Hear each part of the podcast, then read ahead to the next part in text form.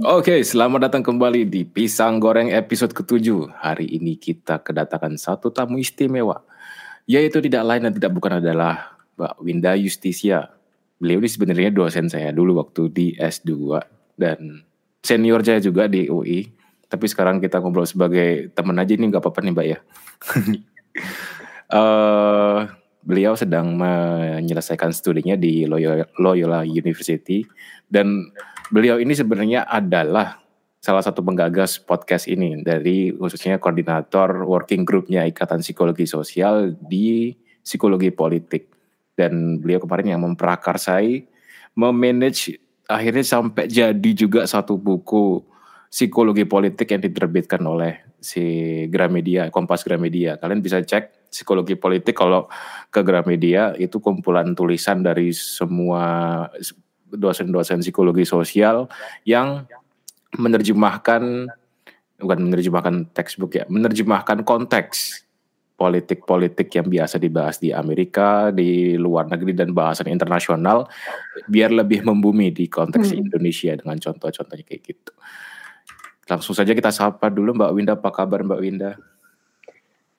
Yo yo yo, halo Bro Noval. Manggilnya apa nih Bro, Abang atau Mas apa apa sih ini di podcastnya? Biasa suka halo. ada sapaan khusus biasanya nih. Gak ada, bebas aja panggil Noval aja gak apa panggil Noval aja. Iya uh. kan kita seangkatan ya Val ya. Jadi gua ngaku-ngaku aja nih seangkatan sama Noval. Siap, siap.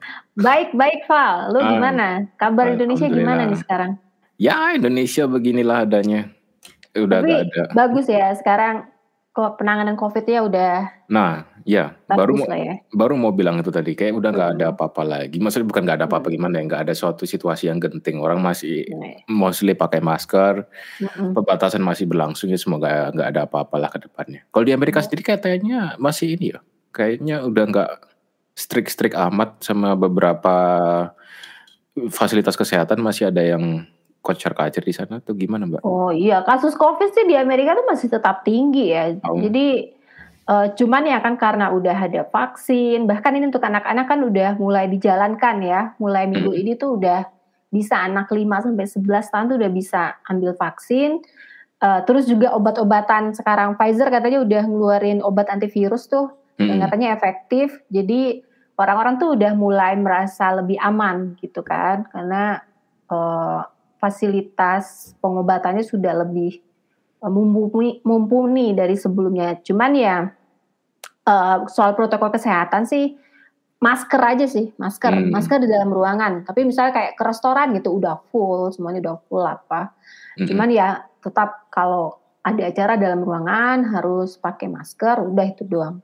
Anak-anak hmm. juga udah full sekolahnya semuanya dari pagi sampai Udah masuk semua.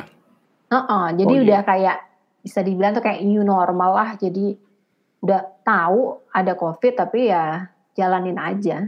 Mm-hmm, Yang penting pakai masker. Udah itu aja intinya. Kita udah masuk pada sesi yang ini juga kayak dalam edisi per covidan ini. Jadi tinggal nunggu di sini aja untuk anak kuliah masuk, anak sekolahnya iya. udah, tapi anak kampusnya iya. masih online. Kita iya. lihat mungkin semester iya. depan atau mm-hmm. satu semester lagi gak tahu deh. Ya semoga bisa menyusul situasi yeah. yang semoga lebih luas ya. di sana. Uh-uh. Mm-mm. Mm-mm. Okay. Jadi kita mau bahas apa nih Val hari ini? Nah, nah, nah itu. Ini spesial diundang ke sini karena sebagai koordinator working group politik juga. Kita sekarang kan di sini hmm. melihat banyak uh, tokoh-tokoh perempuan baru atau perempuan secara umum itu sudah mulai melek pada isu-isu politik bukan exclusively ke partai-partai atau pemilu dan sejenisnya, tapi mereka itu mau punya opini juga. Dan mereka menyampaikan opini juga tentang bagaimana seharusnya negara ber, di, ber, uh, negara itu beroperasi, bagaimana seharusnya negara itu memperhatikan masyarakatnya, atau setidaknya kalau kita nggak bicara tentang uh, organisasi pengaturan masyarakat dari negara, ideologi, pendapat dan influencing itu mulai makin tampak di Eh, kalangan perempuan. Jadi mereka nggak lagi menaruh uh, keabsahan opini atau kuasa opini dari laki-laki sebagai pemegang apa ya image mereka yang lebih ngerti atau mereka yang lebih bisa diandalkan. Mereka itu ya kita setara sekarang kita punya ide yang sama kita bisa saling adu gagasan dan sejenisnya. Hanya saja uniknya kalau buat kalangan perempuan ini ini mungkin kita jadi tergelitik gara-gara tweetnya Samara kemarin yang Mbak Winda share hmm. ke aku itu kan ya. Yang di situ dia merasa kenapa saya nggak dianggap serius? Oh karena saya perempuan gitu. Semua kita bahas sendiri. Apa iya? Karena hanya karena perempuan doang. Terus kemudian lebih diobjektifikasi. Kan ini isunya kalau perempuan tuh lebih diobjektifikasi dan lebih dilihat fisiknya dibandingkan idenya sendiri. Yang kita obrolin waktu itu kayak gitu kan. Mbak, Mbak Winda hmm. mungkin ada sedikit perspektif tentang di luar di luar uh, tweetnya Samara ini ya apakah iya, iya. objektifikasi ini eh, kurang lebih menghambat hmm. uh, diterimanya atau dianggap seriusnya opini perempuan tuh gak sih atau ada memang dasarnya perempuan tuh suka mengobjektifikasi dirinya sendiri sehingga hmm. ya sudah opini anda adalah hal kedua yang akan saya perhatikan fisik anda dulu kan yang anda mau diperhatikan gitu hmm. Gimana tuh mbak? Jadi menurut lo perempuan minta dinilai fisiknya gitu pak? Iseng aja sih, ini buat memancing doang. Aslinya enggak, entar kita bahas di bagian Jadi, kedua. Tapi mau tahu okay. pendapatnya Mbak Winda dulu nih. Jadi itu sebenarnya waktu itu gue share uh, apa namanya obrolan orang-orang tentang Samara ke lu itu memang awalnya dari obrolan di grup sebuah grup lah gitu ah, kan. Ada oh. yang bilang, wah ini apa namanya uh, Samara playing the victim gitu kan, mm -hmm. bawa-bawa gender gitu. Padahal kan memang omongannya gak nggak ada yang bener gitu kan. Hmm. Gue kalau udah terkait dengan isu-isu perempuan kayak ini, walaupun sih gue sebenarnya bukan kajiannya bukan tentang gender studies ya, jadi gue hmm. juga nggak ngerti tuh soal konsep gender tentang gender equality apa segala macam. Cuman ya berdasarkan pengetahuan gue yang terbatas soal isu gender ini, cuman gue lihat memang uh, hingga sampai saat ini peran perempuan di banyak uh, hal itu masih terbatas banget gitu ya. Jadi sebagai bagian dari uh, kelompok gender ini tuh gue juga merasa kayak punya peranan lah untuk sama-sama gimana perempuan ini peranannya jadi lebih uh, banyak lah, jadi bisa lebih diterima uh, di banyak hal ya di uh, di politik ya di akademia jangan salah loh akademia itu walaupun hmm. kelihatannya kayaknya uh, educator gitu dan terkait erat dengan perempuan hmm. hanya 25 persen uh, akademia di tingkatan profesor yang perempuan pal padahal oh. padahal jumlah perempuan di perguruan tinggi itu sudah jauh lebih banyak dari jumlah laki-laki di perguruan tinggi Nah, itu kayak setiap hmm. 100 perempuan yang dapat gelar S1, uh, laki-laki tuh 60-nya. Iya kan? Hmm. Jadi itu hmm. sudah jauh lebih banyak perempuan daripada uh, laki-laki Kalau jumlah pelajarnya, tapi jumlah Kalau profesornya jumlah masih kebalikannya. Nah, tapi kan pertanyaannya kenapa pas sudah nyampe tingkatan manajerial, tingkatan pimpinan perempuan itu jadi uh, lebih sedikit gitu kan? Ini kan jadi pertanyaan ya. Hmm. Nah, di akademia aja tuh yang sebenarnya uh, apa nature-nya itu terkait dengan perempuan kalau kita ngomongin soal gender stereotype gitu ya. Hmm. Itu kan harusnya perempuan juga punya apa namanya punya tempat itu fit lah gitu untuk gender stereo, gender stereotipnya perempuan tapi ternyata enggak juga gitu loh dan uh, masih banyak perempuan yang tertinggal uh, di dunia akademik. Nah, itu apalagi politik gitu kan. Itu hmm kan sangat maskulin banget profesi ini sebenarnya membutuhkan tipe-tipe orang yang dianggap agentik ya kan nah perempuan kan nggak agentik apa itu agentik perempuan agentik itu artinya adalah orang yang punya karakteristik membawa perubahan menggerakkan. Oke. Okay. karakteristik nah, menggerakkan iya. Yang ada kan biasanya perempuan diajakin sama laki-laki. Hmm. kalau iya kan? Kalau yeah, perempuan yeah. yang ajakin tuh gimana gitu kan? Dianggap kayak oh agresif banget ya pokoknya.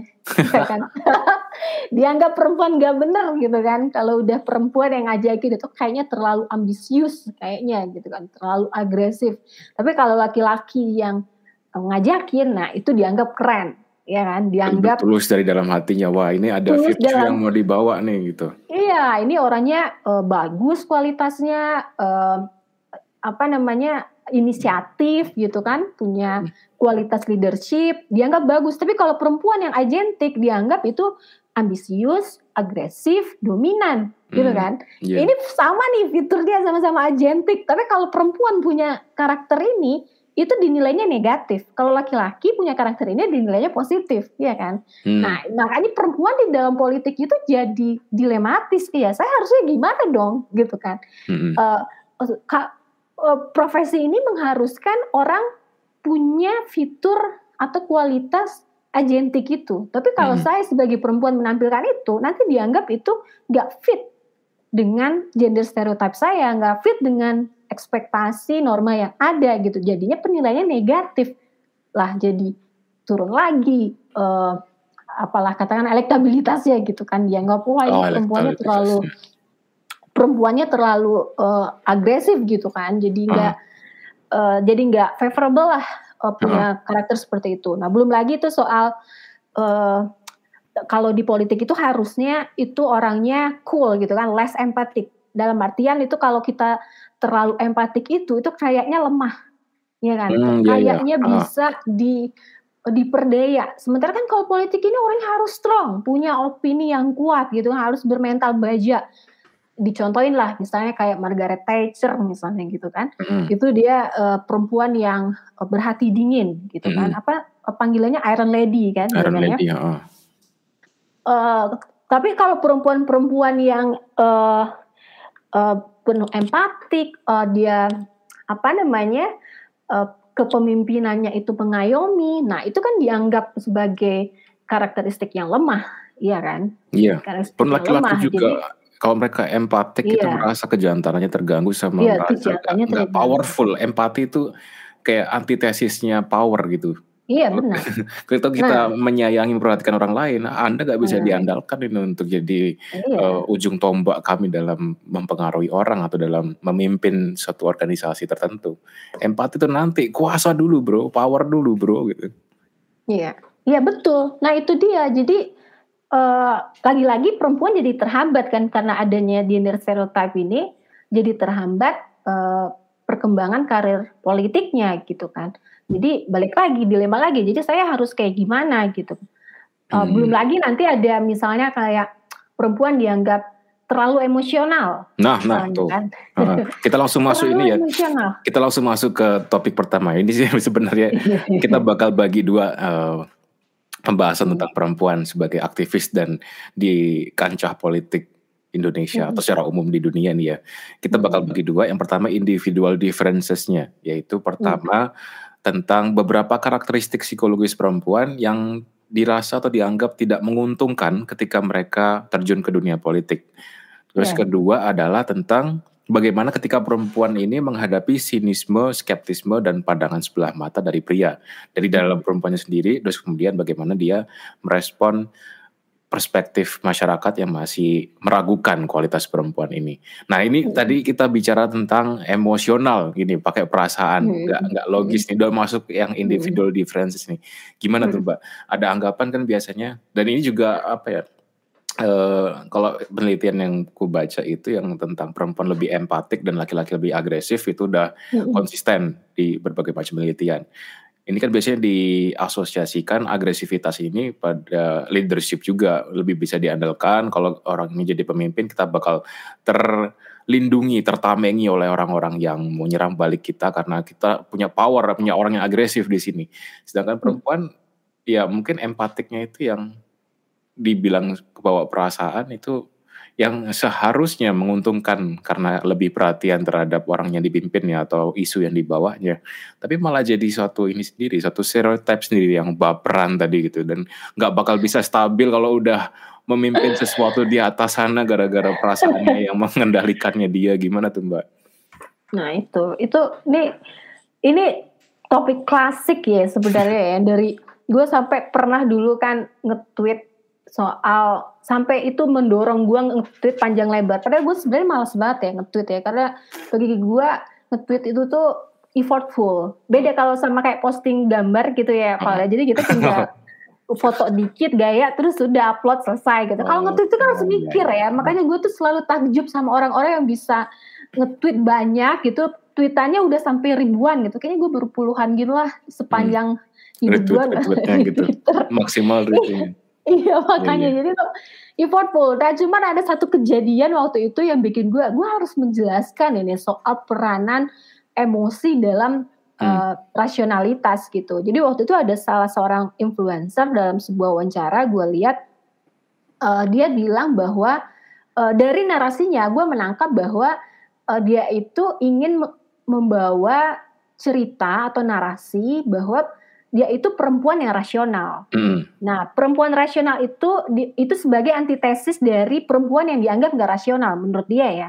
Mm. Dia anggap perempuan itu uh, nggak uh, rasional, jadi dia mau melawan citra itu dengan menjadi perempuan yang rasional. Caranya seperti apa? Menurut dia adalah caranya dengan tidak uh, menjadi perempuan yang emosional gitu. Jadi dia nggak mau melibatkan emosi dalam pengambilan keputusannya dia. Dia oh, akan iya. berupaya untuk semaksimal mungkin menjadi rasional dengan uh, tidak melibatkan emosi dalam setiap pengambilan keputusannya banyak lah dia contohin gitu. alasan dia menikah misalnya ya karena memang uh, kebutuhan apa namanya ya nggak tahu kebutuhan bertahan hidup kan untuk uh, kebutuhan seksual kah atau apa gitu kan hmm. itu dianggap ah ya nggak nggak dianggap itu nggak emosi nggak terlibat di sana cuman ya itu bisa diperdebatkan lah cuman gue nggak mau ngebahas detail di sana cuman uh, dari kejadian itu gue uh, menuliskan di tweetan gue waktu itu adalah ini ada kesalahpahaman soal hubungan antara emosi dan rasionalitas. Pertama gitu ya, kita harus tahu hmm. dulu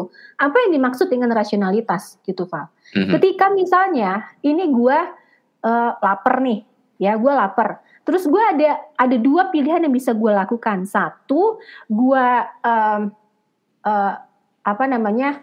Gue, ya misalnya kita, gue mau makan, ya hmm. ya kan? Gue mau makan karena gue lapar. Nah, ada dua pilihan yang gue bisa lakukan. Pertama, gue mampir dulu, baru pergi makan. Habis itu atau gue langsung aja ke restoran itu langsung makan. Hmm. Nah, pilihan rasional dalam kondisi ini adalah misalnya gue mampir itu untuk nolongin orang atau apa gitu. Hmm. Dan pilihan rasional pada saat gue bener-bener lapar banget, katakanlah gue udah nggak makan tiga hari.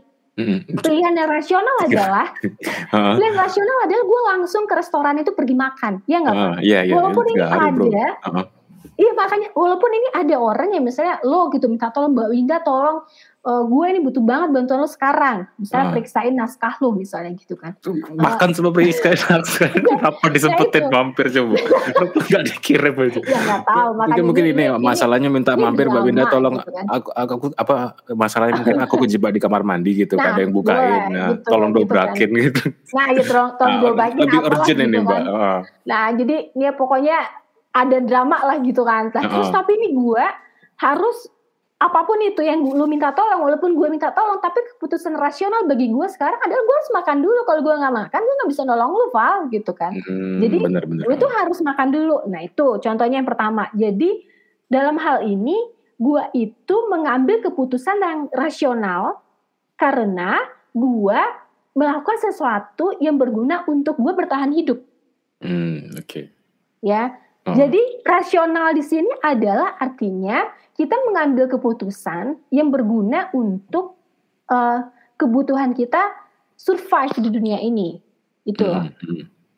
ya kan yeah. jadi termasuk misalnya kayak uh, misalnya nih ada orang yang ini gue selalu berdiskusi atau berdebat lah sama Joe karena ini soal orang mengikuti norma gitu. Mm-hmm. Kenapa sih orang-orang harus ikut norma? Ini kita harus punya uh, punya apa namanya punya value sendiri. Kita harus ber diri atas pendapat kita sendiri nggak jangan sampai kita dipengaruhi oleh norma gitu kan oh. uh, menurut gue gitu kan terus gue bilang uh, bukannya mengikuti norma itu adalah bagian dari uh, mekanisme survival kita ya kita ini kalau kita lihat tracking dulu ya dari zaman uh, zaman purba dulu hmm. orang itu memang hidup sendiri-sendiri Pak hmm. hidup sendiri-sendiri abis itu saling bunuh-bunuhan untuk bisa mendapatkan makanan misalnya gitu. Paling enggak tribe-nya ada sekelompokan orang yang saling bunuh dengan sekelompok. Belum nyampe itu. Belum sampai. Belum nyampe oh. sana. Okay, okay, Awalnya kayak gitu kan. Mm-hmm. Jadi atau enggak keluarga lah unitnya. Oh iya, yes, keluarga. Kan, ayah ibu kan. Uh-huh. Uh, sampai bunuh-bunuhan karena sumber daya terbatas dan uh, kita harus makan untuk bertahan hidup gitu kan. Mm. Jadinya ya bisa sampai bunuh-bunuhan kan. Bahkan mungkin manusia sesama manusia bisa saling membunuh, saling makan. Mm. Iya kan? Nah, cuman dengan e, bertambahnya akal manusia supaya kita bisa sama-sama e, hidup bertahan di dunia ini apa yang bisa kita lakukan? Yang bisa kita lakukan adalah kita bikin norma, kita bikin aturan main. Mhm. Iya kan? Bikin Hmm. aturan main. Kita hidup bersama, berkumpul satu tribe nih, ada yang jadi pemimpin, ada yang jadi bawahan, ada yang bertani, ada yang ini gitu kan. Nah, di situlah terjadi cultural exchange itu kan, ke- pertukaran nilai-nilai budaya, kemudian Hmm. kita saling melengkapi kebutuhan satu sama lain. Dengan mengikuti aturan main yang ada, kita bisa survive bareng-bareng. Kita nggak perlu bunuh-bunuhan lagi. Kita Itu bisa norma tuh. memenuhi, iya itu norma. Iya kan, aturan Iya. yang mengatur hidup kita bersama itu norma kan. Mhm. Iya kan? Eh, dengan adanya aturan itu kita bisa sama-sama memenuhi eh, kebutuhan pokok kita, kita bisa saling melindungi dan kita akhirnya bisa bertahan hidup. Iya kan? Mhm. Dan itu bagian dari eh, pengambilan keputusan yang rasional. Rasional kita lakukan pada saat itu daripada kita eh, terus-terusan berantem, daripada terus-terusan kita cemas eh, ngadepin banyak ancaman, ya lebih baik kita hidup berkelompok daripada hidup sendiri-sendiri. Iya kan? Hidup Hmm, berkelompok ada orang yang iya, melindungi kita. Iya kan? Ah, Ada orang yang melindungi kita, akhirnya eh, kita bisa aman hidup kita. Saling melindungi. Saya memenuhi kebutuhan teman saya di hal ini, teman saya melindungi kebutuhan saya di hal ini. Jadi saya saling melindungi. Jadi saya tidak perlu cemas sepanjang hari, sepanjang malam ketika sendirian di tengah hutan misalnya Hmm, gitu kan. mhm. Jadi eh, apakah itu berarti dia eh, gak rasional itu gila lo ngikutin apa maunya orang lain gitu kan? Lu harus ikutin maunya lu sendiri. Ya enggak lah. Yang rasional bagi gua pada saat ini adalah ngikutin norma yang ada. Mhm. Karena itu yang bisa membantu gua untuk bertahan hidup. Iya kan? Nah itu ya pertama balik aja nih bahasan kita soal gender nih. Iya, ya. Pertama Rasional soal- dan emosional. Soal definisi rasionalitas. Nah Oke. Terus yang kedua eh, kaitannya sama emosi gitu. Nah, emosi itu harus dilihat sebagai eh, sebagai perasaan yang mengandung konten kognitif. Val.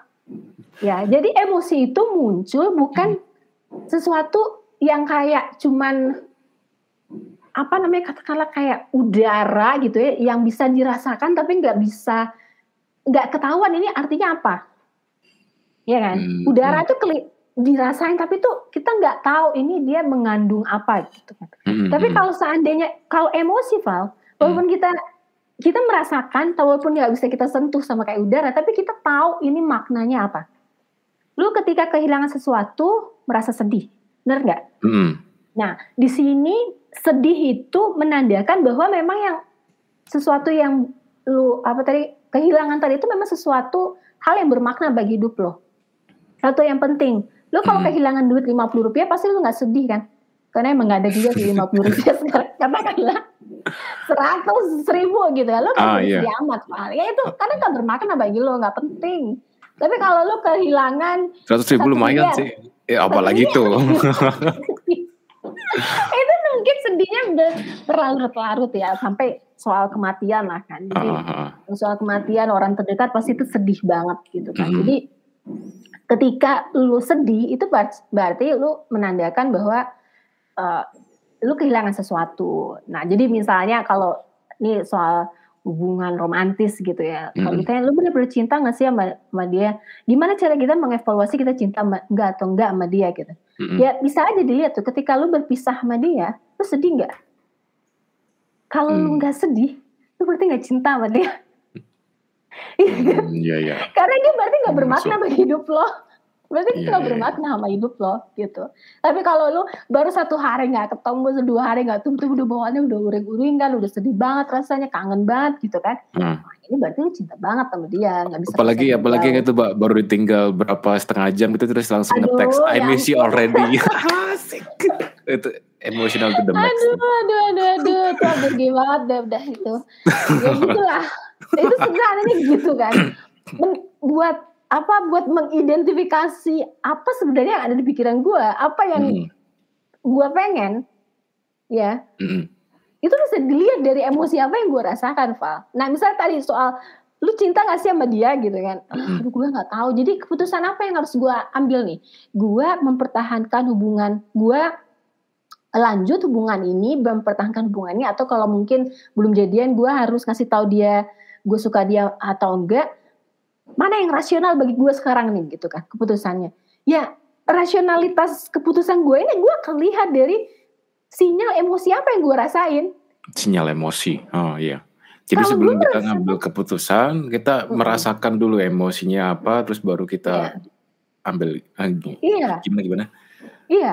Jadi sebelum kita ngambil, jadi kan gue bingung nih, gue lanjut nggak hmm. ya hubungan ini gitu kan. Hmm. Terus tapi gue gue bingung karena kan terlalu banyak informasi yang nggak bisa kita olah, Val. Hmm. Gue nggak tahu itu orang kayak gimana perasaannya ke gue, gue nggak tahu orang mungkin katakanlah kita nggak nggak sepenuhnya belum sepenuhnya tahu karakter orangnya seperti apa pekerjaan dia apa dia apa yang dia lakukan gitu kan tapi ketika gue ingin memutuskan lanjut atau enggak sama dia mau berhubungan atau enggak sama dia itu pasti gue akan melihat dulu kan ke diri gue gitu. Apa hmm. yang gue rasakan ke dia sebenarnya.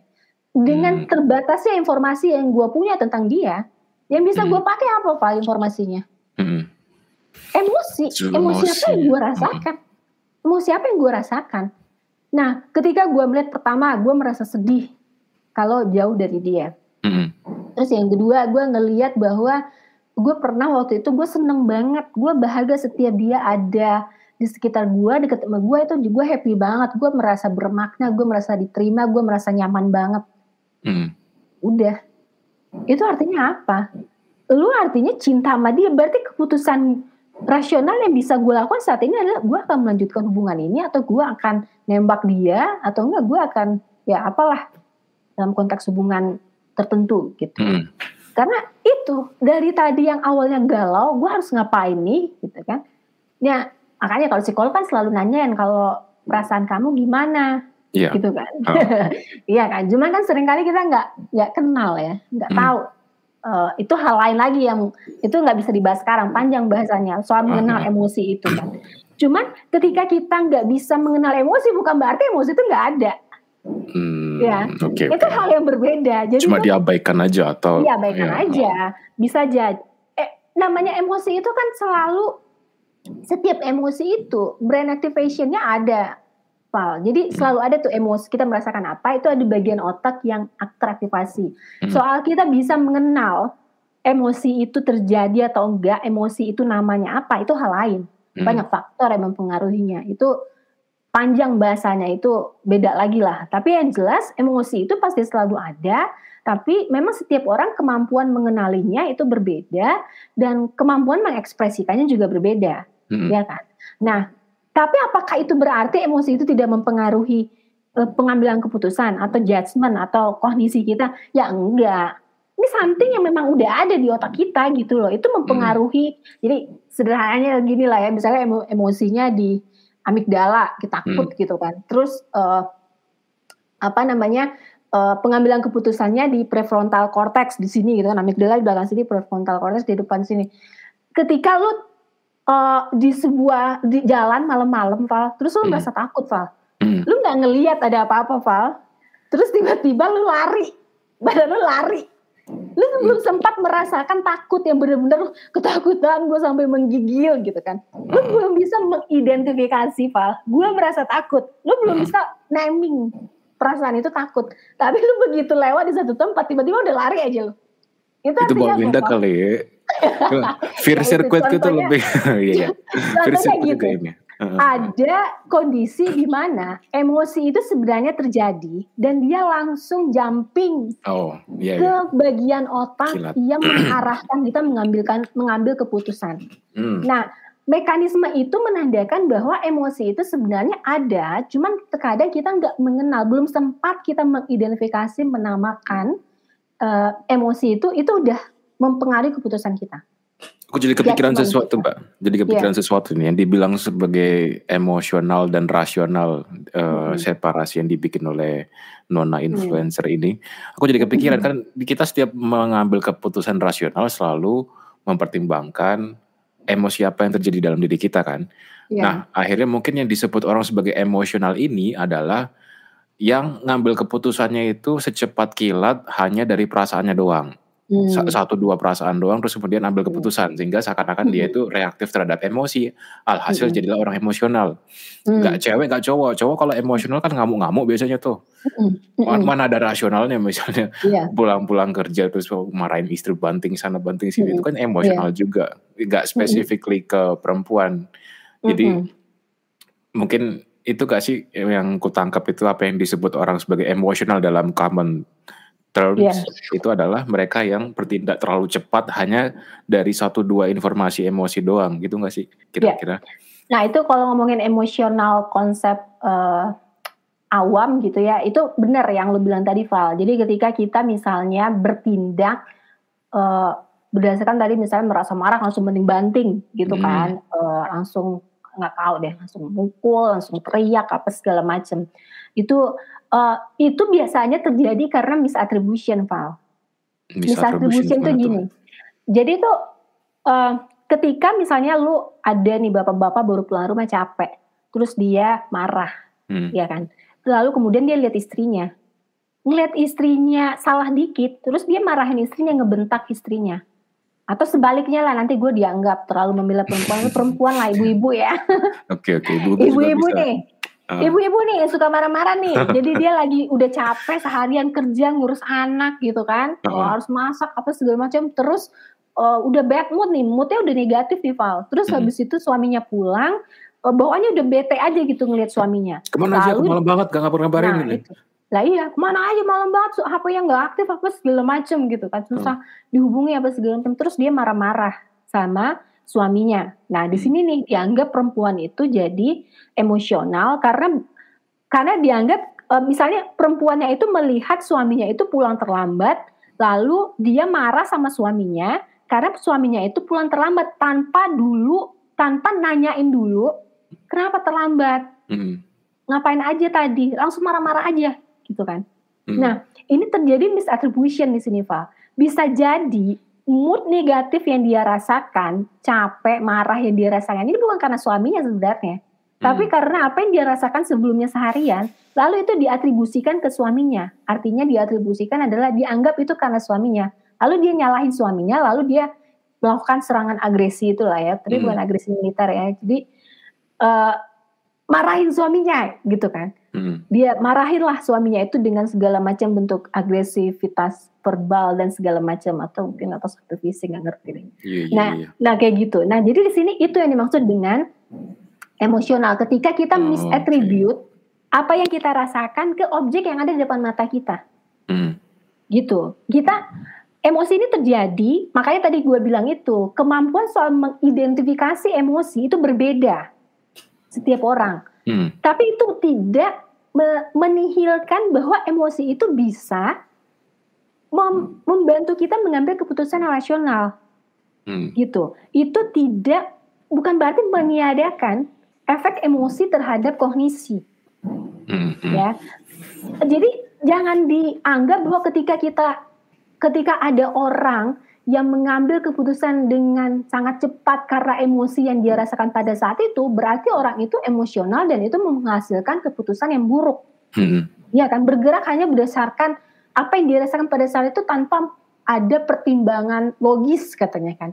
Hmm. Karena dia marah langsung aja tuh uh, dia apa namanya teriak-teriak gitu kan tanpa dia mikirin dulu sebenarnya ini kenapa terjadi kayak gini nggak melibatkan kognisi ya itu bisa jadi bisa jadi terjadi seperti itu Val tapi hmm. ini bukan karena emosinya salah tapi karena si uh, apa istilahnya pengambil keputusannya ini itu salah mengatribusikan apa yang dia rasakan ke encountering istilah encountering experience-nya pada saat itu mm. pengalaman yang sedang dia yeah, yeah. Uh, dialami pada saat itu gitu loh. Kira-kira ada perbedaan gender nggak sih mbak untuk salah atribusi ini? Eh, aku masih memikirkan kenapa perempuan hmm. tuh dibilangnya tipikal stereotipikalnya emosional. Dan aku mikirnya oh. kalau misalnya ada emosional rasional kayak gini, bisa hmm. jadi ada sebuah kecenderungan atau sebuah peristiwa yang lebih sering terjadi di perempuan ketika mereka itu lebih sering misatribusi dan mereka itu kayak meregulasi emosinya, meredam gejolak emosinya itu dengan melakukan tindakan-tindakan yang kayak nggak tepat sasaran gitu. Banyak misatribusinya iya. dibandingkan dengan laki-laki yang mungkin lebih jarang melakukan misatribusi kayak gitu dan lebih tahu sumber sumber ininya dari mana. Apakah ada perbedaan gender ini atau enggak atau ini cukup general sebenarnya? Riset-riset baik itu riset lab, riset korelasional maupun riset uh, otak ya, brand activities itu menunjukkan bahwa tidak ada perbedaan gender dalam hal pengaruh emosi terhadap kognisi. Hmm. Dalam hal kemampuan mengidentifikasi emosi hmm. dan dalam hal kemampuan mengekspresikan emosi. Tidak ada perbedaan signifikan. Wih. Ya, jadi itu setiap orang tuh punya stylenya masing-masing. Oke, okay, style masing-masing. Hmm. Punya kecenderungan masing-masing bagaimana mengelola emosi dan kognisinya dan itu tidak dipengaruhi oleh gender. Cuman memang ada yang namanya gender stereotype, Pak. Hmm. Kita itu ada sosialisasi gender yang diberikan ke kita sejak kecil. Perempuan tuh harusnya gimana, Pak? Harus empati. Empati, perhatian harus sama sensitif, orang lain, sensitif. Harus uh, apa mendahulukan perasaan. Sopan. Sopan. Ya. Kalau laki-laki gender sosialisasinya gimana? Gak boleh nangis, harus maskulin, mm gak boleh takut, ya nggak Pak? Harus mm. berani. Iya iya iya. Ya. Ah, gender gender stereotype dan gender socialization inilah yang mengakar di kehidupan kita sampai kita dewasa dan itu yang mempengaruhi penilaian kita yang bilang bahwa perempuan itu lebih emosional daripada laki-laki. Hmm. Tapi kalau dilihat dari dasarnya itu nggak ada bedanya, hmm. nggak hmm, ada bedanya, Val. Ini karena stereotip dan sosialisasi dari masa kecil aja yang membuat hmm. kita berpikiran seperti itu. Tapi kalau dilihat dari angka statistiknya nggak ada bedanya, hmm. gitu. Yeah, yeah, yeah. Jadi kalau balik lagi tadi ke urusan soal iya nih perempuan gak rasional karena dia kebanyakan bawa emosi gitu ya nggak ada nggak ada kaitannya gitu loh baik laki pertama laki-laki dan perempuan gak ada bedanya dalam hal pengelolaan uh, emosi dan kondisi ada banyak bedanya uh, setiap orang tuh punya beda variasi soal pengelolaan emosi dan kondisi tapi itu nggak terkait dengan perbedaan gender hmm. ya terus yang kedua ya yang namanya emosi itu tuh punya peranan penting dalam pengambilan keputusan rasional gitu loh. Soal lu nggak bisa mengenal emosi lu apa itu hal yang berbeda gitu loh. Ya, Jadi jangan jangan salahkan emosinya dong. Itu salahkan ke lo yang nggak sensitif sama emosi lu, lu nggak mengenal emosi hmm. lu apa, lu nggak bisa identify. Nah itu kenapa orang-orang yang kasih apa namanya orang-orang yang calming gitu ya Val ya, yang uh, ngelmu gitu yang dia hmm. lebih banyak look inward lihat ke dalam dirinya hmm. uh, menghayati tentang uh, kehidupannya mindfulness gitu ya Val ya hmm. itu biasanya pengambilan keputusannya lebih bijaksana Val pengambilan hmm. keputusannya biasanya lebih tepat gitu makanya kita suka nanya kan coba tanya ke kiai siapa Hmm. ke orang pinter mana, orang hmm. alim mana gitu. Itu bukan karena dia itu dukun atau apa gitu ya Val ya.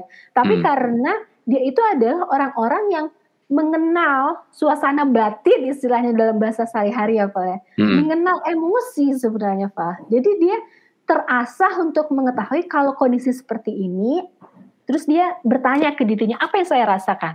Hmm. Wah ini ada yang nggak bener nih kayaknya nih. Nah, iya, kenapa yeah. dia bisa mengenal ada yang nggak bener dalam dirinya itu? Karena itu tadi dia udah terbiasa mengenal emosinya, dia udah terbiasa melihat ke dalam, Pak. Hmm. Nah, reflektif. ketika ditanya jadi ya benar reflektif. Terus ditanya jadi gimana mbak? Saya harus gimana? Udah nggak usah diambil pekerjaan itu. Perasaan saya bilang itu nggak bagus untuk kamu. Hmm. gitu. Dia ya, bisa ya, ya. mengenal. Perasaan itu tuh dia bisa mengenal dalam dirinya Val uh. dia bisa mengidentifikasi. Jadi sementara kita yang anak muda yang sibuk main sosmed ini Val sibuk ngelihat keluar. Hmm. sibuk ngelihat keluar nggak pernah kontemplasi melihat ke dalam diri sendiri bukan nggak pernah ya. Maksudnya sedikit sekali kesempatan untuk kontemplasi melihat ke dalam diri sendiri. Proporsinya akhirnya, kecil uh, untuk kontemplasi. proporsinya kecil akhirnya tuh nggak nggak nggak bisa mengidentifikasi perasaan emosi apa yang saya alami ketika ada di situasi ini gitu loh.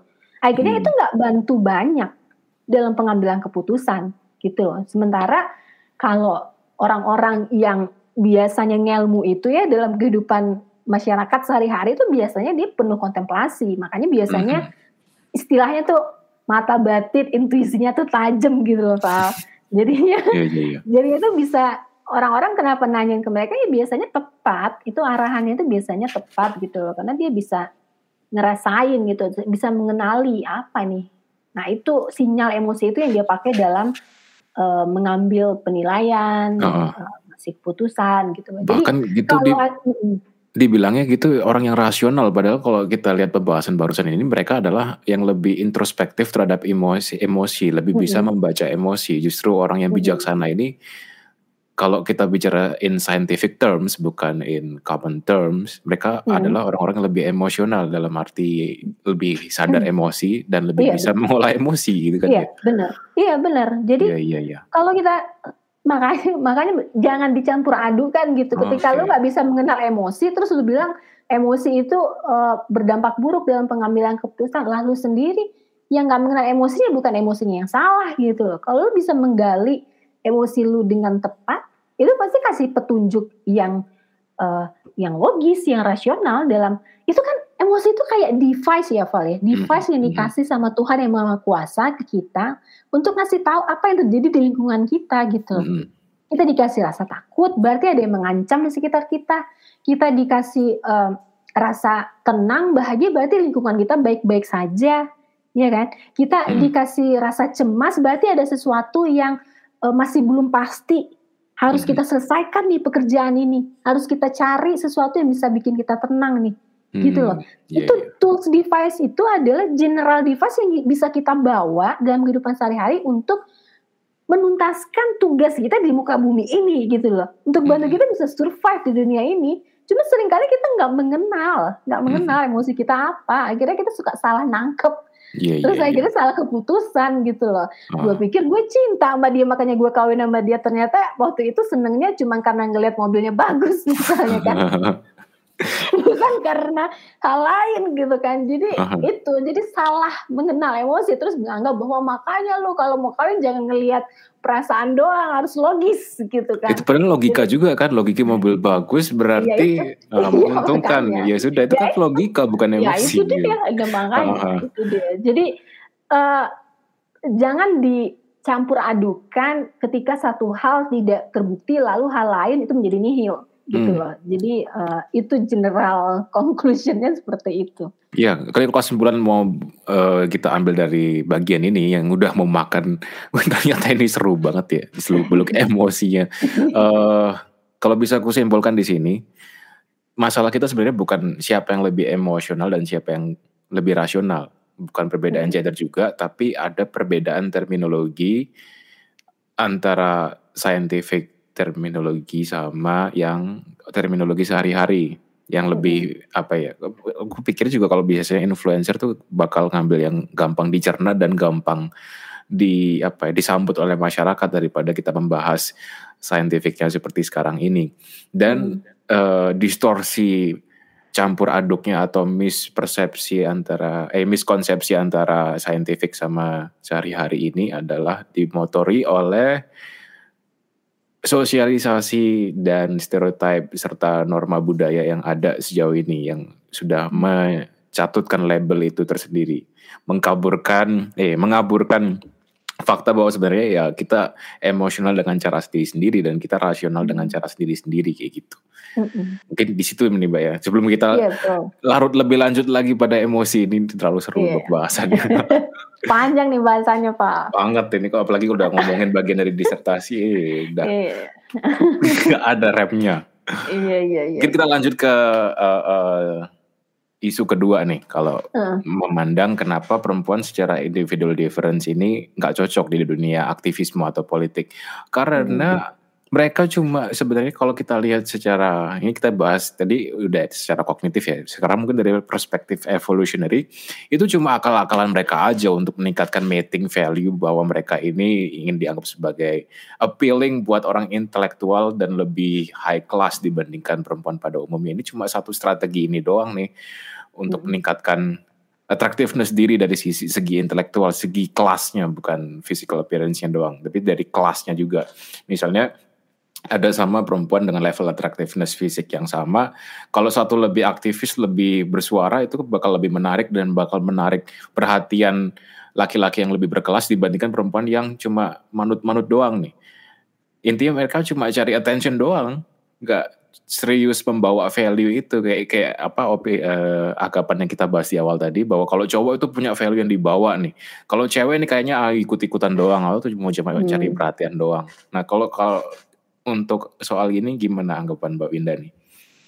Uh, ya sebenarnya gue belum terlalu nangkap sih ya itu konteksnya kayak gimana sebenarnya tapi itu uh, memang tuh kalau dalam politik perempuan itu dianggap nggak fit gitu ya Val ya. Tadi seperti hmm. di awal gue bilang bahwa uh, di politik itu diharapkan uh, kualitas orang-orangnya adalah agentik, lalu kemudian um, less empatik pastinya, hmm. lalu kemudian juga uh, dianggap apa namanya uh, punya need of power gitu kan ya, uh, need of power yang tinggi. Nah, yang mana hal-hal ini tuh enggak dan maskulin juga ya. Hmm. Di mana hal-hal ini tuh nggak fit dengan uh, stereotipnya perempuan, hmm. ya kan.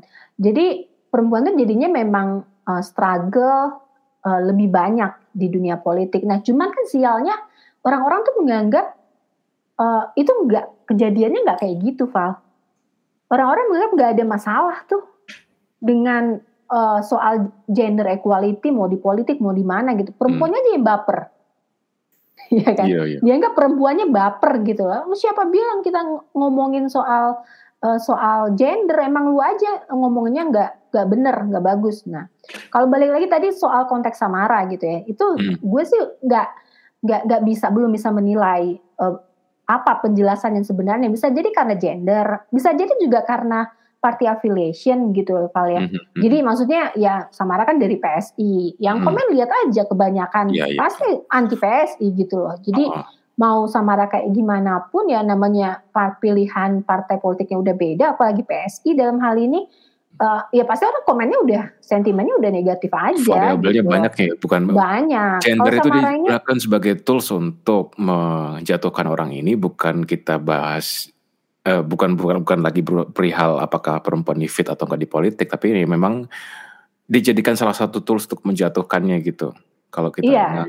uh, jadi bukan ya, karena bisa. personalnya tapi ya ada orang bertingkah kayak gini nih, apa yang bisa kita jatuhin? Ya udah mereka menggunakan hmm. stereotip, menggunakan apa pun tentang gender itu untuk menjatuhkan Betul. image politiknya gitu. Betul. Okay, okay, okay. Betul. Jadi ya maksudnya gini, kalau uh, kalau giring gitu ya, misalnya giring kan dari PSI itu, mm-hmm. kan orang menjatuhkannya dia dengan afiliasi politiknya kan karena dari PSI-nya itu terus lalu dianggap ah lu komen negatif mulu ke Anies Baswedan gitu kan nggak e, jelas e, alasannya apa pokoknya serang serang terus gitu kan. E, dilihat dari sananya dia Giring itu laki-laki gitu. Nah sementara Samara ketika dia berkomentar yang dilihat tuh bukan cuman pandangan dia sebagai anggota PSI tapi juga gender identity-nya dia.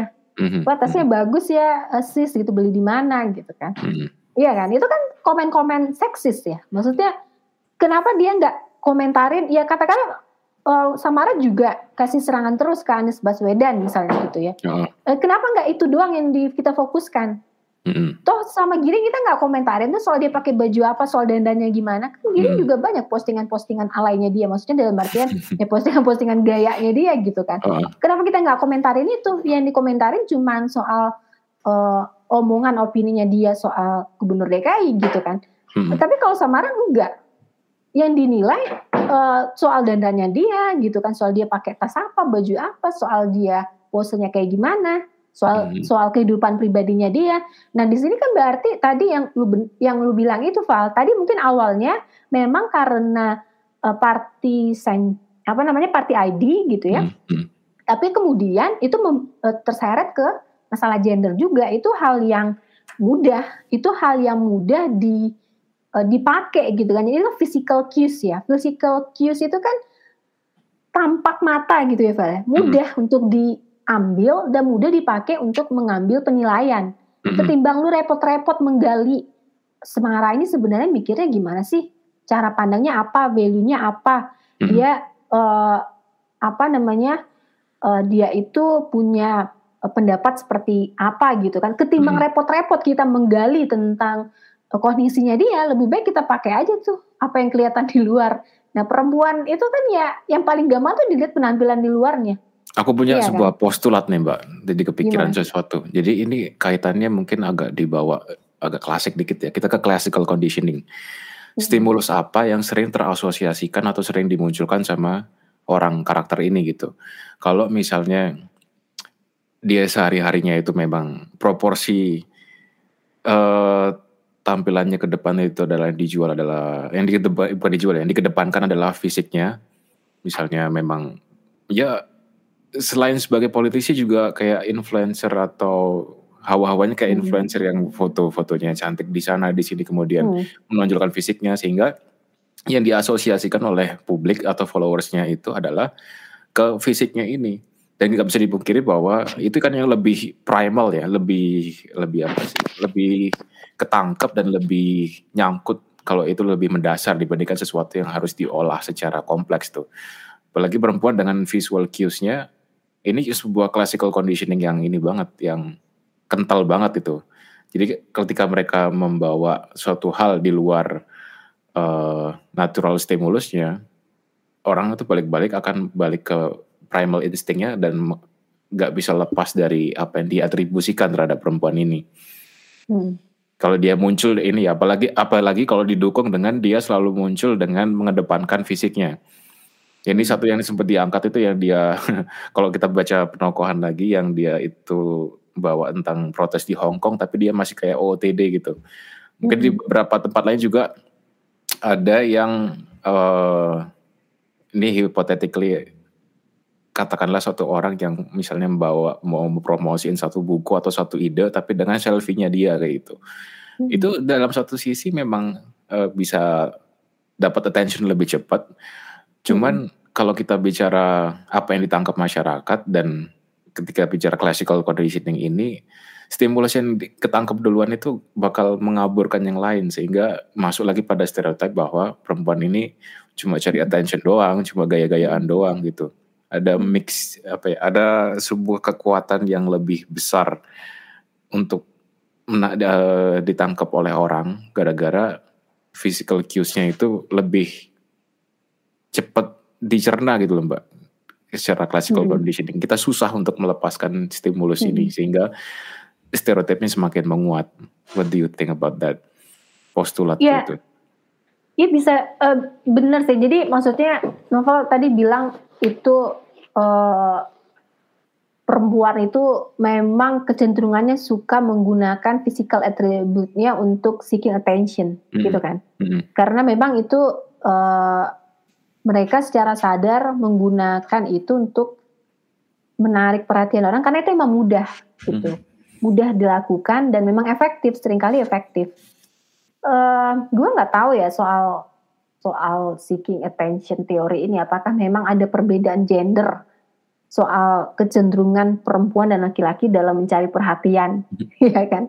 Uh, setahu gue sih sama aja ada. Gue ketemu banyak laki-laki narsis yang foto-foto gitu kan. Uh, buat cari apa namanya uh, perhatian orang foto gaya lah foto sok keren lah apa gitu kan. Ada juga laki-laki yang kayak gitu. Nah cuman Kenapa pertanyaan sekarang kenapa kalau perempuan yang melakukan itu menjadi bermasalah? Gitu kan? Hmm. Kenapa perempuan yang melakukan itu jadi uh, jadi problematika? Kenapa ketika dia mencari perhatian itu menjadi ada ah, lu aja yang mau diobjektifikasi? Hmm. Iya kan. Nah, hmm. kenapa ketika laki-laki melakukan itu dianggap eh wajar dia ingin uh, menunjukkan jati dirinya, jadi dia harus terbuka, iya kan? Iya, iya kan. Ya. Jadi uh, uh, terus ya itu kan jadinya nggak berimbang kan penilaiannya uh. gitu kan. Nah, gue nggak tahu tuh apakah emang ada perbedaan uh, gender dalam hal uh, kecenderungan untuk mencari perhatian ini menurut gue ya setiap orang punya kecenderungan beda-beda dan itu nggak ada pengaruh sama gendernya banyak yes. gue lihat malah justru di lingkungan gue laki-laki yang lebih narsis ketimbang perempuan. Nah sekarang kan gue lingkungan gue kan lingkungan perempuan-perempuan muslimah nih, uh -uh. jarang banget, yeah. jarang banget perempuan yang uh, cari-cari perhatian kayak gitu karena normalnya nggak kayak gitu hmm. gitu loh. Sementara kalau laki-laki lebih narsis-narsis gitu kan. Hmm, beda okay. mungkin kalau di kelompok-kelompok lain mungkin ya perempuan memang lebih terbuka, boleh menunjukkan jati dirinya gitu, boleh melakukan apa pun, ya bebas untuk mengekspresikan diri dalam bentuk apa pun. Nah, kalau itu dianggap sebagai caper lu gitu kan, ya lah ya itu memang upaya dia menunjukkan jati dirinya dia ketika laki-laki menunjukkan jati dirinya dia nggak dianggap caper gitu kan. Hmm, itu kan jadi ada imbalance dalam penilaian kita terhadap uh, apa namanya kualitas seseorang. Cuman kan memang begini Val, kalau ngomongin soal gender dan politik ini, uh, politisi perempuan ini memang perlu hati-hati soal uh, stereotip-stereotip gender ini. Jadi dia harus hmm. pandai bermain antara ya, pandai gender bermain, stereotip. Iya, pandai bermain antara gender stereotip dan uh, uh, uh, kualitas dirinya yang sesungguhnya gitu loh. Mm-hmm. Misalnya kayak gini, sebenarnya orang tuh bisa nggak pakai gender stereotype karena ketika itu nggak teraktivasi gitu Pak. Jadi mm-hmm. tuh ada tuh beberapa politisi perempuan yang kita nggak ngomongin cara berpakainya dia. Gue bisa lihat, cuman gue karena kita udah nyebutin nama orang, coba coba mau banding, nggak mau banding bandingin. ini mungkin ya, apa, Alessandria Ocasio Cortez nih, yang kemarin yang ku perhatiin, perhatiin nggak mbak? yang apa representatifnya United States ini. Yang dia tuh leaningnya ke arah kiri kan. Dan ketika hmm. Met Gala kemarin dia pakai gaun yang ada tulisannya tax the rich gitu. Hmm. tapi dia datang ke Met Gala. Yang di situ kumpulannya richnya. oh si siapa sih itu? Alexandria Ocasio Cortez ini uh, Gak aku gak tahu siapa sih dia. Oh senator ya, senator, senator, uh, senator uh, New. York ya, kalau nggak salah. Yang aku tahu ya, pokoknya dia leading leading ke. ke oh dia memang, ya, itu liberal abis dia. Uh, uh. Dia liberal abis itu. Iya. Dan kehadiran dia di situ kayak membingungkan gitu loh sama beberapa orang yang mencoba untuk menyuarakan satu isu pesan politik tertentu tapi mm karena itu datangnya di Met Gala dan mereka itu pada sekumpulan orang eksklusif semua jadi kayak hilang aja ininya. Iya iya. pesan-pesannya gitu. Iya, jadi ya kayak gitu. Jadi perempuan tuh harus pandai makanya pandai bermain itu antara gender stereotype itu sama uh, keinginan untuk menunjukkan kualitasnya dia. Beda hmm. dengan laki-laki, dia laki-laki nggak perlu tuh merhatiin soal gender stereotype itu. Jadi misalnya kayak tadi itu kan um, uh, kalau gender stereotype ini nggak teraktivasi, orang-orang juga nggak akan uh, bukan nggak akan ya less likely hmm. untuk menilai uh, politisi perempuan ini pakai gender karena hmm. banyak juga contoh-contoh uh, apa namanya politisi perempuan yang bisa survive, tapi sedikit sih persentasenya sedikit. Cuman kita bisa belajar dari sedikit itu apa yang mereka lakukan, hmm. baik di luar negeri maupun di dalam negeri. Gue lihat di dalam negeri kita juga punya Val. Hmm. Ada politisi politisi perempuan yang berhasil merepresentasikan dirinya sebagai seorang politisi, bukan sebagai politisi perempuan. Hmm. Gitu. Yeah. Jadi itu hal itu hal yang sebenarnya itu sebel banget sih gue kenapa ada politisi perempuan tapi nggak ada politisi laki-laki? Gitu ya. Kan jadi kayak politisi itu kayaknya uh, politisi itu kayaknya uh, generalnya emang laki-laki terus tapi ada subdivisi namanya politisi perempuan. Di dunia lain juga ada sama kayak gini kenapa iya. ada gamer girl nggak ada gamer boy Iya makanya. Stereotipnya juga ketika mereka streaming, ketika mereka ngasih gameplaynya, ketika mereka iya. ngomongin tentang game di YouTube-nya, ya sebenarnya kurang lebih sama juga sih, nggak dianggap iya. serius iya. atau dianggap penjual fisik doang. Hmm, Dan mereka juga sadar juga ada yang memainkan stereotipnya. Lu suka ini kalau kayak gue mainin. ada juga yang uh, apa namanya ingin peruntukan itu dia berpakaian seperti laki-laki dan iya. kayak gamer boy pada umumnya gitulah. Ini iya. nggak di politik doang ternyata baru iya, baru baru ngeh juga saya. Itu dia kan. Jadi tuh itu kan itu sudah menggambarkan memang itu kelas 2 Pak. Jadi itu kayak subdivisi gitu Pak. Jadi uh, prototipenya adalah itu ya laki-laki gitu kan itu hmm. dianggap udah emang itu udah umumnya begitu politisi. Kemudian ada subdivisi namanya politisi perempuan. Hmm. Nah, oke okay, katakanlah emang ada lah itu politisi perempuan itu. Tadi Indonesia itu kita juga punya ada politisi-politisi yang berhasil merepresentasi politisi perempuan yang berhasil merepresentasikan dirinya sebagai politisi ya jadi jarang hmm. banget dia dinilai sebagai uh, sebagai uh, uh, berdasarkan gender gendernya dia gitu hmm. apalagi yang salah satu yang gue kenal ini dia di bagian yang sangat kental dengan suasana apa dunia kerja laki-laki gitu ya beda lah beberapa tuh kan ada kayak artis-artis gitu ya bagian hmm. musik lah edukasi lah apa itu kan masih ada feminim feminimnya gitu loh. Uh. ada juga yang maskulin banget bidang kerjanya gitu loh tapi dia bisa uh, bisa survive di sana nah kenapa dia bisa melakukan itu menurut gue adalah karena dia tidak mengaktifi mengaktifasi konsep-konsep gender itu Pak hmm. gitu jadi kayak lu bilang tadi mungkin itu ada beneran juga udahlah nggak usah foto gaya-gaya kayak perempuan-perempuan uh, sosial influencer gitu gitu kan karena itu mm-hmm. mengidentifikasi penampilan fisik ketika orang mm-hmm. pakai physical cues yang ditonjolkan ini langsung kelihatan wah ini main fisik berarti itu perempuan gitu kan kalau perempuan kan menekankan pada fisik tuh biasanya yeah. nah itu yang akhirnya orang teraktivasi menilai dia berdasarkan gendernya dia mm-hmm. coba deh sekarang uh, komen sesuatu posting sesuatu yang nggak usah kasih orang kius-kius yang terkait dengan gendernya dia. Tadi misalnya terkait fisik terkait di, uh, ya nggak tahu lah terkait misalnya dia peduli anak-anak apa gitu-gitu kan hmm, peduli pendidikan apa segala macam itu coba digeser sedikit gitu kan digeser hidup aja seperti jalanin aja uh, apa norma-norma eh, bukan norma ya maksudnya narasi yang diangkat itu narasi netral aja hmm. yang itu membuat orang jadi lupa tentang wah ini perempuan gitu loh hmm, okay. ini akhirnya orang nggak menggunakan stereotip dalam menilai dia gitu kan. Uh. Jadi misalnya kayak Kamala Harris itu kan dia tuh berupaya banget tuh uh, waktu kampanye tuh pakai pakai heel eh pakai apa pakai sneaker gitu kan itu difotoin loh Pak foto dia iya. pakai sneaker gitu terus diliatin dia sering olahraga kelihatan aktif energik gitu kan hmm. untuk menunjukkan bahwa uh, kius-kius gender perempuannya itu tuh nggak muncul hmm. gitu loh kius-kius yeah. gender dia perempuan itu nggak muncul jadinya orang nggak undermine kualitasnya dia karena gendernya dia jadi orang berfokus pada hal lain di okay. dia. Oh. Uh, jadi nggak dilihat dari uh, stereotip gender perempuan di politik seperti apa gitu loh. Jadi oh. di ditipu-tipu dikit jadi alihkan gitu kan. Uh, kita nggak bisa nggak bisa nggak bisa ngambek. Eh kalian kenapa sih stereotip mulu ini iya, bebas dong kita berekspresi. Susah. Jangan iya, menafikan bahwa iya. ini itu kental banget. Kita harus iya, memainkan iya, namanya, gitu ya.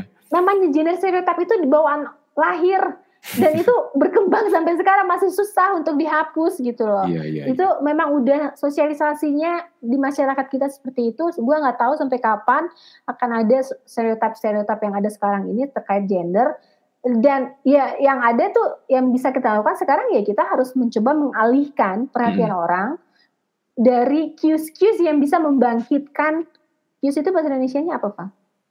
apa sinyal petunjuk-petunjuk sinyal-sinyal hmm. yang bisa membuat orang memikir uh, apa menjadikan orang um, menilai kita berdasarkan gender kita gitu. Okay. Jadi jangan coba disentuh-sentuh atau kan setidaknya diminimalisir. Pilih isu-isu yang netral gitu kan, isu-isu yang netral. Jadi orang teralihkan perhatiannya dari isu-isu gender. Hmm, hmm. Gue yang kebayang satu politisinya ini kayak Bu Sri Mulyani, terus Puji, nah, iya. mantan hmm. menteri kita iya. tuh. Ya. Hmm, survive kan? Okay, okay. Uh -uh. Survive malah survive, excel ya. di Iya makanya. masing-masing tuh. Ya itu dia, gitu. Oke oh, oke. Okay, okay. Jadi kita udah bicarakan individual differences, tapi ternyata ini nggak terpisah ya dengan persepsi masyarakat. Individual differences pun itu nyambung dengan bagaimana dia dipersepsi. Tapi mungkin uh, satu bagian terakhir nih yang di bagian uh, menghadapi respon publik, sinisme, skeptisme dan pandangan sebelah mata dari para pria. Uh, apa namanya pria yang gengsi atau terpancing ketika ngelihat ada perempuan tuh lebih pinter atau lebih punya pengaruh. Kok dia lebih dianggap serius sih? Kok dia yang menyalahi kodrat dalam tanda kutip lebih dianggap serius dibandingkan ini? Ya, mereka tuh jadi kayak reaktif terhadap perempuan ini pun di sisi lain nih mbak. Mungkin di uh, kalangan mahasiswa kita ini di gerakan-gerakan kiri lagi ada sebuah isu kalau cewek yang leaning ke kiri atau mereka yang aktivis itu pasti feminis dan pasti lebih open, sexually open gitu. Sehingga lebih gampang didekati, lebih gampang untuk di apa ya diajakin buat sexual activities kayak gitu. Sehingga banyak lagi terbongkar di gerakan-gerakan aktivis-aktivis kayak gini. Laki-laki itu sok-sokan jadi feminis untuk deketin perempuan yang dirasa lebih open dan mencoba dapetin sexual advance dari situ. Ada respon kayak gitu dari cowok ini, maskulinitasnya tertantang atau ya hal-hal yang absurd kayak gitulah. Kalau pengalaman Mbak Winda sendiri, apakah pernah ngadepin laki-laki yang kayak gini, Mbak? Ngerasa kayak apa ya? Powernya atau maskulinitasnya tertantang gitu, sehingga dia gengsinya bukan lagi ke skill atau ininya, tapi lebih ke gender imbalance atau lain-lainnya gitu? Ya ada aja sih selalu ya, selalu aja ada orang yang merasa uh, tersinggung ya, mm -hmm. tersinggung ego maskulinitasnya dia karena perempuan gitu kan. Mm -hmm. uh, gue sih nggak punya pengalaman langsung ya, cuman eh, ada sih beberapa. Cuman maksudnya gini, Cuma maksudnya gini, eh, jadi misalnya kayak dulu tuh pernah ada kejadian misalnya kayak ya dianggap mahasiswa psikologi tuh gak bisa statistik karena sebagian besar mahasiswanya perempuan gitu-gitu kan. Mm-hmm. Terus kok bisa gitu perempuan dianggap nggak bisa statistik itu kan lagi-lagi gender stereotype ya jadi kayak um, dianggap perempuan itu incapable dalam science dalam statistik dan segala macam lalu kemudian juga uh, dianggap kalau udah nih misalnya kita lagi ada bikin apa gitu uh, perempuan tuh dianggap produktif, bagus gitu kan, organize, tapi giliran kita cari pemimpin biasanya siapa Pak? Iya, lagi-lagi. Lagi-lagi. Udah lu aja Pak, lu aja Pak kan lu ini Pak, lu jago ngomong. Peng gue bilangnya jago ngomong padahal sebenarnya males aja. Ngadepin orang-orang sebagai perempuan tuh susah Pak. Oh. Capek. Jadi sebagai seorang perempuan, gue tuh sebenarnya orang yang mengadopsi norma norma sosial tentang keperempuanan hmm. ya karena ngadepin dunia sebagai seorang perempuan itu susah, berat gitu loh. Jadi lebih baik kita mengalah saja lah ya udah kasih aja perannya sama laki-laki gitu hmm. kan. Jadi lebih lebih mudah gitu. Dulu aja tuh gue sebenarnya cita-citanya bukan jadi dosen, Pak, bukan jadi peneliti, nah, nah, jadi akademia. Jadi apa oh, nggak cita-cita gue dulu mau jadi apa, Pak? Apa tuh? Jadi jadi blogger gue dulu, Pak. blogger. Lu, blogger apa? Lu, lu coba blogger, buka Facebook gua. Uh-huh. Facebook gua itu kan bisa suka kelihatan tuh page apa yang kita ikutin, grup apa yang kita ikutin gitu uh-huh. Nah, itu ada grup yang namanya Mak-mak blogger. Bahkan spesifik mama blogger. Kehidupan sehari-hari seorang ibu gitu ya. Lah iya. bahkan bahkan gue spesifik ngikutin join grup mama blogger bukan ma, bukan blogger profesional yang nggak pakai kata-kata mamanya gitu uh, uh, uh. spesifik karena dulu emang gue kepikirannya ya itu gue kan suka nulis gitu kayaknya profesi yang cocok untuk gue itu adalah ya jadi penulis gitu uh, nah uh, bagi gue itu hal yang mudah gitu loh. Gue nggak perlu challenge uh, menantang norma, gue nggak perlu mencoba untuk membalancekan tentang kehidupan pribadi gue sama pekerjaan. Nah ini lagi-lagi nih kan itu udah cocok gitu lah ya. Iya, secara hmm.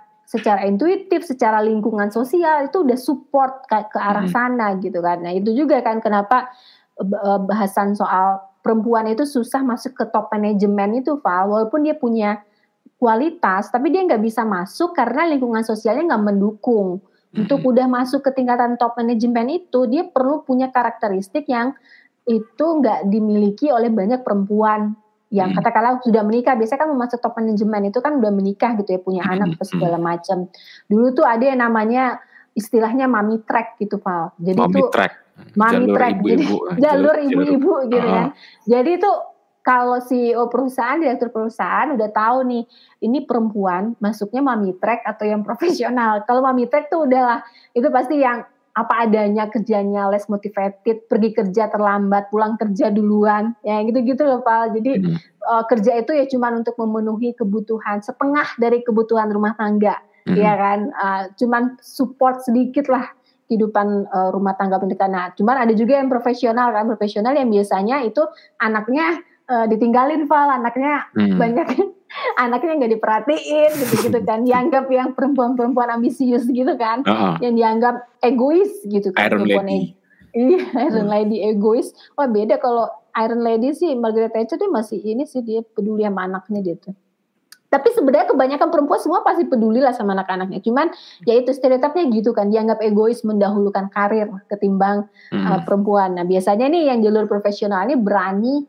um, uh, uh, menerima stigma-stigma negatif gitu kan ya udah emang gue egois kenapa lo yang penting gue pas mau sesuatu gue nggak minta-minta ke orang-orang gitu kan. Yang penting gue bisa sekolahin anak gue ke sekolah yang bagus misalnya. Hmm. nah ada nih main track atau jalur profesional. Nah dulu kayak gitu. Nah uh, kalau udah mami track udahlah nggak usah nggak ada harapan. Nah orang yang profesional perempuan yang jalur profesional ini pun ketika dia membangun karir itu ternyata dia tuh mentok nggak bisa masuk ke top manajemen ada yang namanya itu glass sailing effect. Hmm. Jadi tuh kayak sailing itu kan kayak apa sih langit-langit, atap gitu atap. ya, langit-langit gitu kan. Kaca tuh di sana. Kita bisa lihat kan di atas kaca tuh ada apa. Katakanlah misalnya ada kursi di sana, sama kursi hmm. sama meja direktur gitu kan. Kita merasa kayak ini gue bisa nih naik ke sana gitu. Tapi hmm. karena dan tapi ternyata itu cuma ilusi. Itu ada kaca di atas kita itu. Mau naik ke pentok sudah. Mau naik ke pentok mentok gitu, nggak bisa naik juga akhirnya ke sana.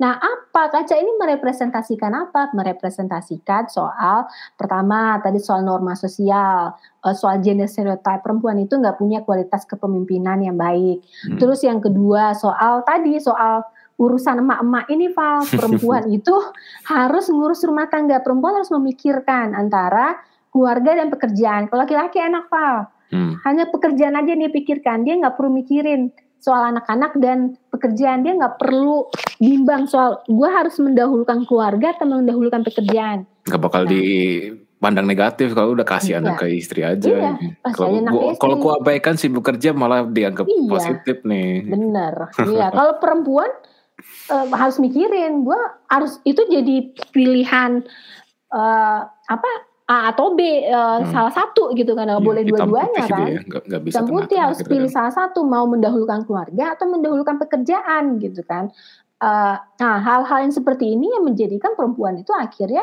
hanya mengisi uh, tadi itu 25% di tingkatan top manajemen di perusahaan global loh Val hmm. jadi itu bayangkan banyak karyawan perempuan kalau di kantor-kantor tuh kayaknya perempuan tuh banyak banget gitu kan tapi kalau udah giliran bos-bos uh, itu sedikit gitu terus tapi ada temen gue bilang oh di perusahaan gue itu perus uh, bos-bosnya semuanya perempuan gitu jadi perusahaan lo kita ngomongnya nggak satu-satu kita ngomongnya persentase keseluruhan mm -hmm. gitu nah itu salah satu ilusi juga tuh ilusi representasi perempuan di tingkatan uh, top manajemen gitu. Kelihatannya hmm. ada perempuan itu di sana, tapi itu kalau kita ngomongin statistik itu representasinya masih rendah gitu loh. Hanya 25%, hanya sedikit gitu kan. Uh, dan itu pun ya itu baru belakangan mulai naik. Mungkin tahun-tahun sebelumnya malah lebih sedikit lagi. Dan pembagian peran domestik uh, laki-laki dan perempuan di Amerika aja nih ya nggak berubah dari 25 tahun lalu, Val jadi hmm. dari tahun 70-an, tahun 60-an, pembagian peran domestik yang ngurus rumah siapa, ngurus pekerjaan di luar siapa, itu masih sama sama peran tradisional tahun 60-an sama-sama sekarang gitu loh. Hmm. Gak banyak perubahannya. Jadi tuh, nah sementara orang-orang menganggap sepele ini kan urusan-urusan domestik kayak begini. Tapi itu sebenarnya uh, apa namanya salah satu hambatan, salah satu kaca tadi yang menghambat perempuan untuk bisa naik ke top manajemen.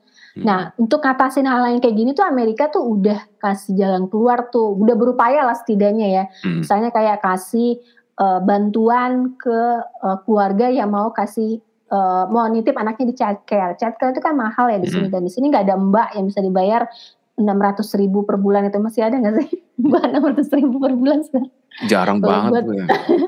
Kalau dulu tuh gue dulu gue masih ada tuh mbak enam ratus ribu per bulan di sini nggak hmm. ada kan yeah. mana ada neni-neni mahal banget orang kaya banget kali yang bisa jadi kalau perempuan mau kerja dia harus titip anaknya di childcare sementara childcare itu kan mahal nggak hmm. bisa ya nggak cukup lah kalau gaji cuma kerja karyawan di Amazon di Walmart apa segala macam gitu kan nah itu negara bisa Bantu. kasih bantuan baik itu langsung ke orangnya ataupun ke childcare. Ada juga tuh childcare yang dapat funding dari pemerintah ngasih childcare murah ke orang-orang yang membutuhkan hmm, gitu loh. Yeah. Iya. Itu upaya sistematis, upaya sistematis. Jadi jangan deh kita-kita di Indonesia ini masih sok pede ngomongin apaan kita kan udah sama semuanya kesempatan untuk perempuan laki-laki kan udah semuanya eh, nggak uh, ada batasan perempuan laki-laki mau mengerjakan apa pun bebas. Aduh, justru itu banget. Justru bullshit kontrasnya banget bukan bukan sekedar sama doang, Mbak. Kalau kita hmm. pergi ke bagian kalangan bawahnya, kalau di atas mungkin isunya ini ya glass ceiling effect bahwa perempuan tuh nggak bisa top hmm. management. Tapi yang kau lihat di kalangan yang lebih bawahnya, hmm.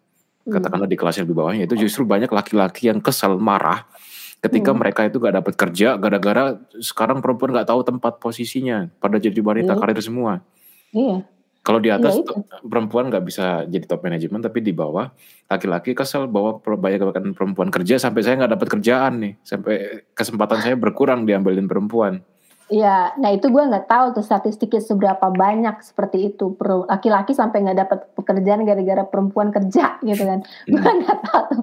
kita bisa uh, bisa uh, pakai statistik yang mana itu untuk ngambil kesimpulan. Tapi mungkin itu bisa jadi iya dalam hal arti dalam artian laki-laki yang uh, apa namanya merasa terintimidasi gitu kan ketika hmm. perempuan istrinya itu bekerja dan itu banyak terjadi di kalangan bawah memang. Karena memang uh, peran tradisionalnya kan perempuan tuh di rumah laki-laki uh, kerja gitu. Dan mungkin ya orang-orang kalangan bawah masih megang banget nilai-nilai norma itu. Dan ya karena mungkin bagi laki-laki yang seperti itu cuman pekerjaan itu yang meninggikan statusnya dia dibanding perempuan. Ketika dia nggak bisa nggak punya pekerjaan dia nggak ada lagi yang bisa dia andalkan untuk uh, meninggikan statusnya dia kan mm -hmm. frustasi lah dia gitu kan frustasi jadinya walaupun sebenarnya uh, itu ya di kalangan atas juga ada sih yang punya pemahaman gender role kayak gitu, gitu. Ya? perempuan di rumah laki-laki kerja gitu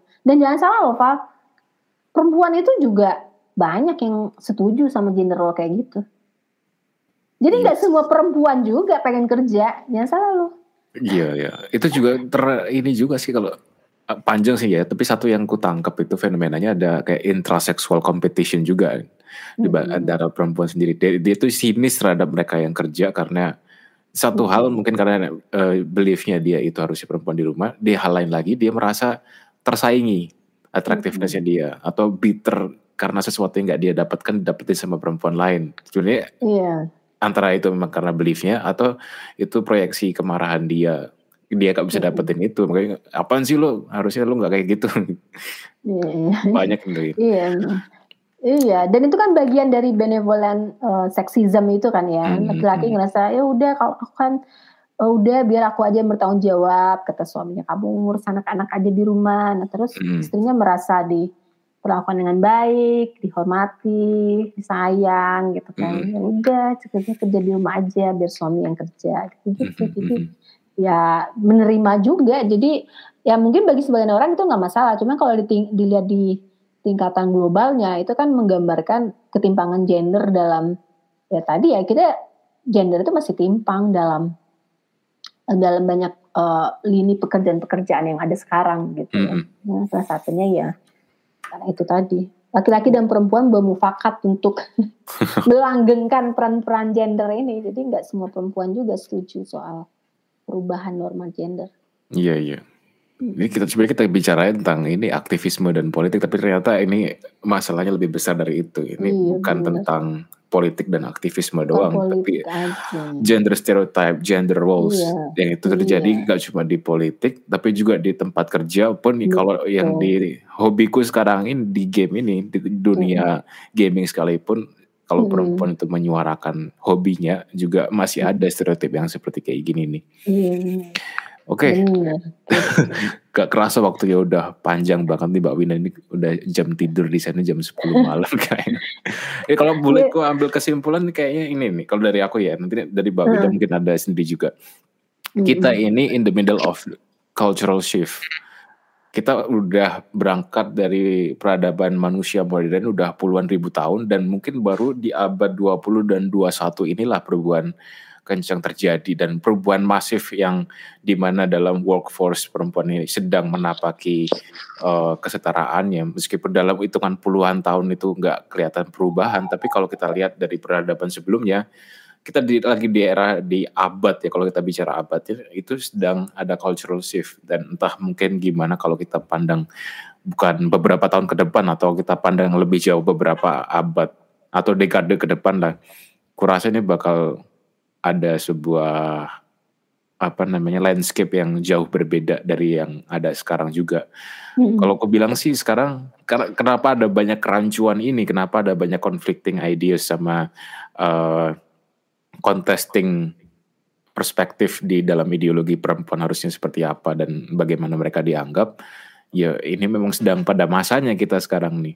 Kayak zaman dulu orang pada masanya eksplorasi dunia gede-gedean nih, eksplor ke benua lain dari Eropa gitu. Kita sedang masa eksplorasi untuk menemukan tatanan sosial yang baru sekarang. We are in the middle of it. Jadi nggak usah terlalu diambil pusing harusnya gimana harusnya gimana. Ya kita jalankan aja belief sama ideal yang kita anggap itu benar untuk tatanan yang lebih baik ke depannya. Gitu. Dia nggak usah ambil pusing banget sama stereotip jenisnya. Keep doing what we are doing now. Dan kalau kita rasa benernya adalah kesetaraan dalam workforce dan dalam apa ya dianggap seriusnya di medan mana pun itu mau entertainment politik atau dunia akademik juga ya udah keep doing that. Kita lihat aja bakal ke mana gitu. Aku orangnya agak sentris agak ini ya agak agak ambil posisi gitu. Aku anggap ini sebagai bagian progres kehidupan manusia yang uh, menarik untuk disaksikan aja. Kalau dari Mbak Winda gimana nih menganggap? Nah kalau gue sih kesimpulannya gini ya take home message gue adalah satu gue setuju kita tuh sekarang lagi berprogres mencari tatanan sosial yang baru mm-hmm. terkait misalnya dalam banyak hal lah misalnya soal pendidikan kita udah ada disrupsi teknologi sekarang mm-hmm. ya kan disrupsi teknologi dalam hal finance lah uh, hiburan itu kan teknologi itu udah mengubah tatanan banget kan mm-hmm. soal soal hal-hal ini tuh terus yang kedua uh, gender stereotip itu masih ada sampai sekarang. Hmm. Dan walaupun kita udah semaju ini, walaupun kita udah bisa keluar angkasa apa segala macem, dan bentar lagi Elon Musk itu mau kasih wisata luar angkasa gitu ya. Masalah jenis stereotip ini masih tetap ada. Dan kita sebagai warga dunia ini harusnya setidaknya sama-sama sadar dulu deh. Hmm. Ini tuh memang ada dan itu mempengaruhi cara penilaian kita ke orang lain. Gak cuma soal gender stereotip, stereotip lu tentang orang Minang, orang Jawa, orang uh, Papua itu mempengaruhi penilaian lu tentang orang-orang ini gitu kan. Jadi stereotip itu mempengaruhi banget cara kita menilai orang lain. Nah itu sadar dulu deh itu. Hmm. Nah ketika kita udah sadar itu, kita pastinya akan lebih berhati-hati dalam menilai ini gue benar-benar menilai karena kualitas dia atau karena gender stereotipnya dia ya. Yang namanya stereotip itu kan penilaian secara general Ya bisa hmm. jadi itu benar, bisa jadi enggak. Dan sebagian besar itu berdasarkan hasil sosialisasi masa kecil, ya hmm. ya kan? Nilai-nilai lama, ya mana itu ya menetap turun temurun. Padahal kan ya bisa jadi berubah dan bisa jadi ada namanya individual differences. Hmm. Norma apa stereotipnya orang Jawa itu kayak begini, tapi khusus dia nggak kayak gitu ya kan? Hmm. Nah, dengan kita sadar bahwa jenis stereotip itu masih ada dan stereotip itu mempengaruhi penilaian, kita bisa lebih berhati-hati dalam menilai orang hmm. gitu kan. Hmm. Itu yang kedua. Terus yang ketiga, ini untuk untuk politisi perempuan gitu. Karena kita sadar bahwa uh, posisi perempuan, aktivis perempuan atau siapa pun lah akademisi perempuan atau siapa pun lah profesional yang dianggap sebagai subdivisi profesinya karena ada yang embel perempuan ya hmm. uh, itu uh, coba berdamai atau enggak ya tadi gue bilang bermain lah dengan hmm kondisi ini. Ya caranya seperti apa? Dengan mencoba untuk menghindari cues-cues yang bisa petunjuk-petunjuk yang bisa membangkitkan uh, penilaian orang berdasarkan gender hmm. gitu kan. Jadi jangan ditampilkan banget lah itu hal-hal uh, feminim yang bikin orang oh ini dia perempuan banget. Akhirnya undermine kualitas kita yang sesungguhnya dan akhirnya menilai kita berdasarkan stereotip yang sudah ada yang sudah terbentuk sejak zaman bahla itu hmm. gitu kan. Jadi tiga poin itu yang uh, ingin gue tekankan di bagian kesimpulan ini Pak. Oke, okay. ya perbincangan yang menarik banget ini Mbak Winda dan kita mesti paham banget ya Gak bisa kita merengek atau cuma stop stereotyping terus stereotip hilang kita harus sadar itu itu apa dan kita harus bisa memainkan gimana ke depannya. Iya, Oke, okay, thank you banget Mbak Winda untuk kehadirannya dalam episode ini. Semoga bisa mencerahkan teman-teman semua baik itu yang laki-laki perempuan atau non binary tentang setting kita sekarang sedang berada di masa apa sih uh, kancah politik kita dan uh, aktivisme kita. Dan juga ternyata itu lebar di dunia-dunia yang lain ya dunia kerja dan dunia mana pun itu. Semoga bisa dapat sesuatu dari episode yang panjang ini. Makasih banget Mbak Winda udah ganggu waktunya di sana. Sama-sama, terima kasih sudah diundang Val, senang Yoi. banget nih. Nah, ini podcast Anda juga di working groupnya Mbak Winda juga di sini. Oke, kita yeah. ketemu lagi di episode berikutnya dalam pembahasan yang lain. Sampai jumpa dan selamat berakhir pekan.